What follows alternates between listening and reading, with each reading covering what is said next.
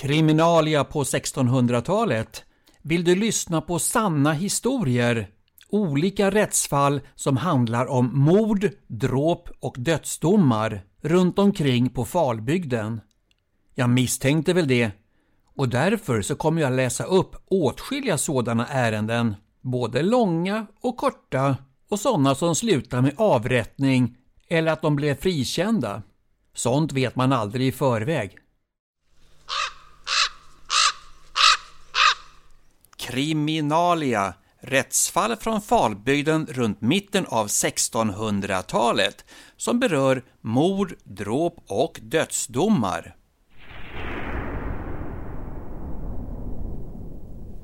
Denna gång berörs två tjuvar, men vi börjar med Vartofta häradsrätt hösten 1635. Då fördes för rätten skomakaren Helge Asmundsson från Marks härad, vilken bekände att han stulit från Göran i Slöta en pengapung där det låg en riksdaler och tre öre i vitt mynt, det vill säga silvermynt, vilket motsvarade ungefär en halv månadslön. Men de har han redan handlat för.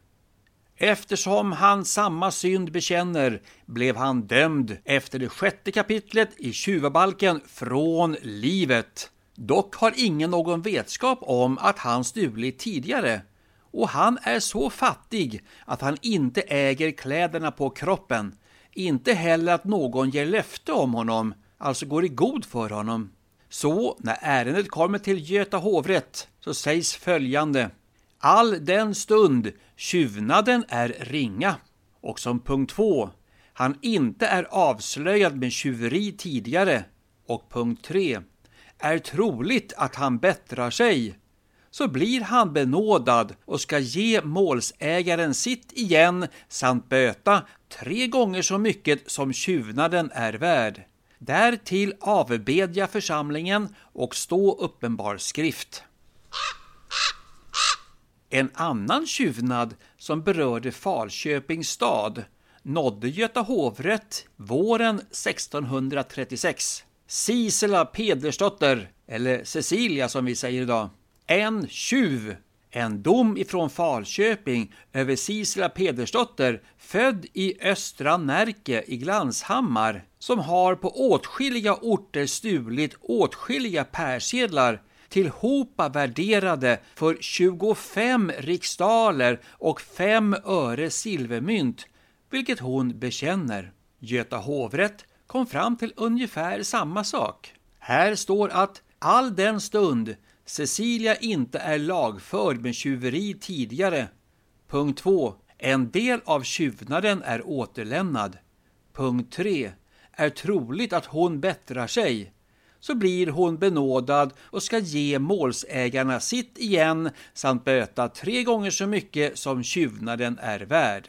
Därtill avbedja församlingen och stå uppenbar skrift. Om hon inte förmår böta ska hon arbeta för sitt brott. Det var alltså inget straffarbete vi pratar om, utan en form av avbetalning på den här skulden. Tjuvnadens värde gånger tre motsvarar drygt 75 riksdaler. Sedan var bara en del av tjuvnaden återlämnad, så hennes skuld blev ungefär 90 riksdaler det vill säga närmare fyra årslöner. Men på den tiden gick det mesta av lönen till mat och husrum samt kläder. Sedan återstod kanske bara 10 eller 20 procent av lönen. Så i bästa fall så får vi nog räkna med att Cecilia fick arbeta i kanske 20 år innan dessa böter var betalade.